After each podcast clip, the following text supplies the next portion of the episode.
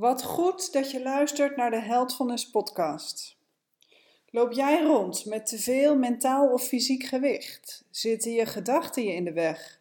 Of speel je telkens hetzelfde liedje af in je hoofd? Ben je er helemaal klaar mee en ben je klaar om geïnspireerd te worden, tips te krijgen, herkenning te vinden bij een ervaringsdeskundige? Mijn naam is Ineke van Huxloot en ik ben ontstresscoach en emotie-eten-expert. En als je meer wil weten over mijn persoonlijke verhaal, luister dan ook naar podcast nummer 1.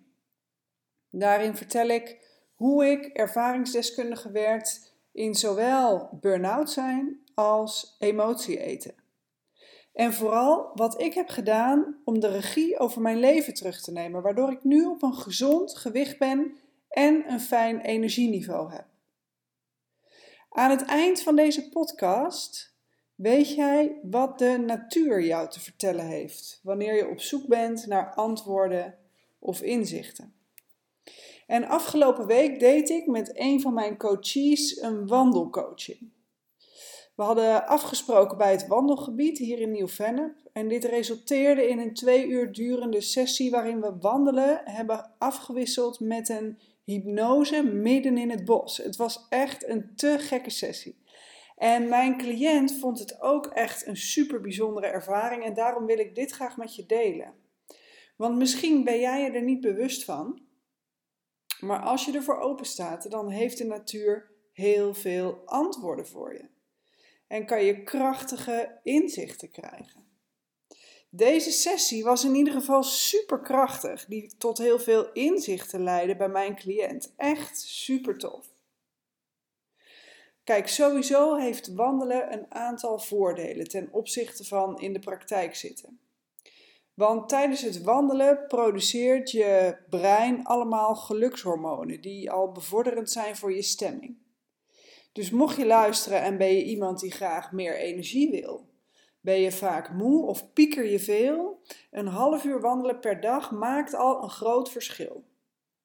En je kan onderweg natuurlijk een podcast luisteren of muziek, maar probeer ook eens in stilte te wandelen. Want als je je dan helemaal focust op je voeten op de grond of op je ademhaling, dan zal je merken dat je al heel snel rustiger wordt. Wij gingen wandelen in een natuurgebied en wij zijn uiteindelijk midden op een zijpad gaan zitten, omringd door het bos en de fluitende vogels voor de hypnosesessie.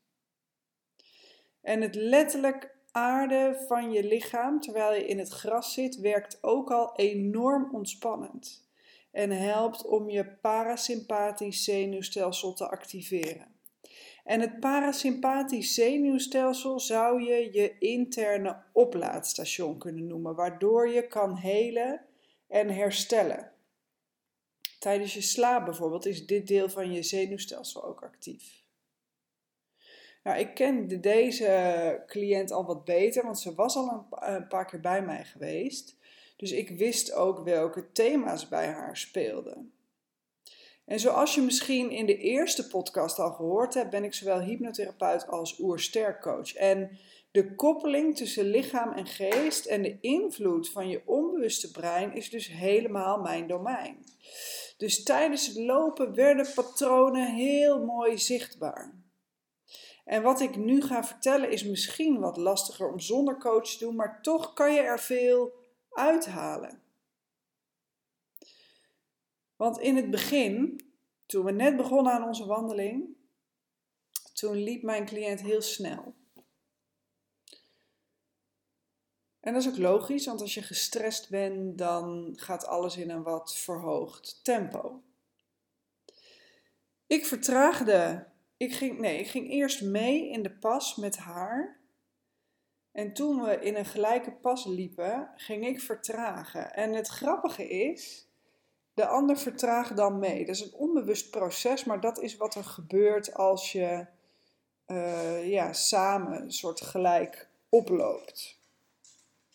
Op de achtergrond hoor je nu mijn hond die uh, even naar de drinkbak gaat. Excuses daarvoor. Um, dus ik zei tegen uh, haar: merk je wat er nu gebeurt? Zij had inderdaad gemerkt dat we rustiger waren gaan lopen en ze constateerde ook dat ze gelijk ook rustiger ging praten en rustiger gaat ging ademen. Dus dat is iets wat jij ook zelf kan doen. door je dag heen, wees je eens bewust, hoe snel loop je? Waar zit je adem? En door dan een bewuste verandering toe te voegen, hè, bijvoorbeeld door langzamer te gaan lopen of dieper in je buik te gaan ademen, merk je al meteen een verschil in je lichaam en breng je ook rust in je brein. Nou, we gingen verder. We liepen een stuk door het bos en een deel van het pad was verhard. En het deel van het bos was een beetje modderig, want er heeft afgelopen week uh, is er aardig wat regen gevallen. En ook dat was heel mooi. Want wij liepen naast elkaar. Het pad was niet groot genoeg om met z'n tweeën naast elkaar te lopen. En wat gebeurde er? Zij liet mij op het pad lopen en ze ging zelf naast het pad lopen door de modder. En ook dat was echt mooi om te zien. Want letterlijk maakte zij plaats voor mij. Dus betekende dat dat zij nog meer ruimte mocht gaan innemen voor zichzelf. En hoe is dat bij jou? Ben jij meestal gericht op zorgen voor iemand anders en zet je jezelf snel op de tweede plaats? En als je jezelf daarin herkent, dan heb ik een mooie overdenking voor je. Want het is namelijk belangrijk dat je een goede balans houdt tussen geven en ontvangen. Als jij altijd alleen maar geeft, ontneem je de ander ook iets, namelijk de kans om ook te kunnen geven. Eigenlijk zou je kunnen zeggen dat wanneer jij altijd geeft, je de ander daarmee onbewust in de schuld zet als ontvanger. En met schuld bedoel ik niet per se dat iemand schulden bij jou heeft. Maar in menselijke relaties moet de balans tussen geven en ontvangen goed zijn. Want als dit namelijk niet meer het geval is, ontstaat er, en ook dat is op onbewust niveau, maar daar ontstaat een ongelijkwaardigheid. En stapt degene die ontvangt altijd uit de relatie. Want alleen ontvangen is ondraaglijk voor de ander. En nou kan je bijvoorbeeld zeggen, ja, maar hoe is dat dan als ik bijvoorbeeld zorg voor iemand die zwaar gehandicapt is? Wat kan die dan teruggeven? Um, en het gaat ook niet om materialistisch teruggeven, het gaat om teruggeven in de relatie. Dus misschien iemand die gehandicapt uh, is, geeft uh, dankbaarheid terug. Of een glimlach. Hè? Soms kan niet iemand een daadwerkelijke actie teruggeven, uh, maar is er wel een, een gelijkwaardige uitwisseling van energie. Hè? Dus zo kan je dat ook breed interpreteren. En in de hypnotherapie zeggen wij altijd dat elk gedrag een positieve intentie heeft. Dus met andere woorden, alles wat je doet levert iets op. En dat geldt zowel voor slechte gewoonten als voor goede gewoonten is verantwoordelijkheid nemen en verantwoordelijkheid overnemen van iemand goed of slecht. Het is. En als jij iemand bent die snel verantwoordelijkheid overneemt van iemand anders, dan zou je jezelf eens een vraag kunnen stellen. Namelijk, wat levert mij dat op? Wat kost het mij? En wat ontneem ik de ander hiermee? Want besef ook dat wanneer je alles uit handen neemt van een ander, hè, of dat nou je kinderen zijn of je partner of wie dan ook, dan ontneem je diegene ook de kans om zelfstandig en zelfredzaam te worden. Om fouten te maken en zelf te leren. En wat ik ook een geweldige metafoor uit de natuur vind, die mij persoonlijk heel veel inspiratie geeft. En um, ja, die mij ook wel persoonlijk uh, in het afgelopen jaar, waarin ik toch wel wat uh, moeilijke periode heb gehad. Uh, mijn moeder is overleden ehm, in oktober 2020. Dus wat mij persoonlijk veel inspiratie geeft, zijn bomen. Ten eerste zijn bomen enorm energetisch. Heb je wel eens je handen tegen een boomstam gelegd en daar met je volle aandacht even op gericht. En als je dat nog nooit gedaan hebt, ga dat eens doen. Leg je handen op de stam van een boom, sluit je ogen en voel even goed hoe je handen en misschien ook wel de rest van je lichaam daarna voelt. Ik vind het echt amazing. Maar goed, ook de wortels van de bomen zijn een mooie metafoor. Net zoals de stevige stam, de kruin, het vallen van de bladeren en het opnieuw in bloei komen.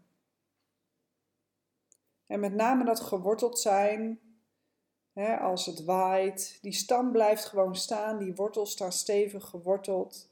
En ook als het harder gaat waaien, die kruin van de boom die waait gewoon mee ik vond dat zeker in een moeilijke periode voor mezelf, ja, heel inspirerend en heb ik voor mijzelf veel kunnen uithalen. En ook het groeien van bomen, heb je daar wel eens over nagedacht? Want een boom, die stopt namelijk niet met groeien. Die denkt niet, ik ben nu wel groot genoeg. Nee, een boom groeit gewoon verder. Dat is toch eigenlijk heel inspirerend als je bedenkt dat wij mensen onszelf liever klein houden. Waarom zou je dat doen? Jouw onbewuste brein communiceert ook met beelden en symbolen. En uit onderzoek blijkt dat het vertellen van een verhaal of een metafoor veel beter blijft hangen bij mensen dan het opsommen van feiten en informatie. Dromen zijn ook een mooi voorbeeld. Dan is je onbewuste brein aan het werk. Je ziet beelden en je kan ook emoties ervaren in je lichaam. soms word je met een bonkend hart wakker of voel je je intens tevreden de ochtend na een fijne droom. En de natuur zit ook vol met metaforen waaruit je inspiratie kan halen. De vogels die onbezorgd fluiten, de bomen die meedijnen op de wind, bloemen die tot bloei komen, maar ook in de herfst als de bladeren vallen en de bloemen weer verwelken, afsterven. En toch elk voorjaar komt de hele natuur weer in bloei. Dus doe jezelf. In het komende weekend is een plezier. Neem eens de tijd om de natuur in te gaan. Ruik de geuren, zie de kleuren, hoor de geluiden en ga eens ergens op de grond zitten. En adem dan naar je staartbeen toe en stel je eens voor dat je met elke uitademing je staartbeen verder de grond in laat zakken. Voel eens wat dat met je doet. En blaas dan op elke uitademing je gedachten naar buiten en wees gewoon even met jezelf in de natuur. En merk op hoe je lichaam dan voelt. En merk eens op of er een specifiek deel van je lichaam is dat aandacht vraagt. Hoe voelt je hartstreek? Hoe voelt je buik? Hoe voelt je hoofd? En als je ergens iets waarneemt in je lichaam, bedenk dan eens wat dat kan betekenen. Want jouw lichaam communiceert met jou. Iedere klacht van je lichaam, ieder pijntje, ieder ongemak is een manier van je lichaam om met jou te communiceren. Alleen weten we vaak niet wat het betekent. Maar jouw lichaam is je onbewuste brein. Dus wat wil het jou vertellen? En in plaats van denken: is er iets mis met mij? Ga eens luisteren. Wat wil je lichaam jou vertellen? En als je dat lastig vindt, dan kan het helpen om eens te bedenken welke spreekwoorden of gezegden je kent over dat lichaamsdeel. Want je zal verrast zijn hoeveel inzichten dat geeft. Bijvoorbeeld, ik heb een knoop in mijn maag. Of wat heb je op je lever? Je gal spuwen. Wat moet je van het hart of wat heb je op je hart? Houd je misschien je poot stijf. En als je op die manier eens nagaat wat er gebeurt in je lichaam, dan kom je echt tot heel mooie inzichten. Denk je nou, na het luisteren van deze podcast, wat die Ineke vertelt, daar zit wat in. En ik voel dat haar begeleiding wel eens precies zou kunnen zijn wat ik nodig heb. Plan dan een vrijblijvende belafspraak via www.heldvandus.nl. Dan bespreken we waar jij mee rondloopt en dan vertel ik je wat ik voor jou kan betekenen. Je zit nergens aan vast. Het is gewoon een relaxte kennismaking. Geniet van je dag, of als je dit s'avonds luistert, van je nacht. En zorg goed voor jezelf.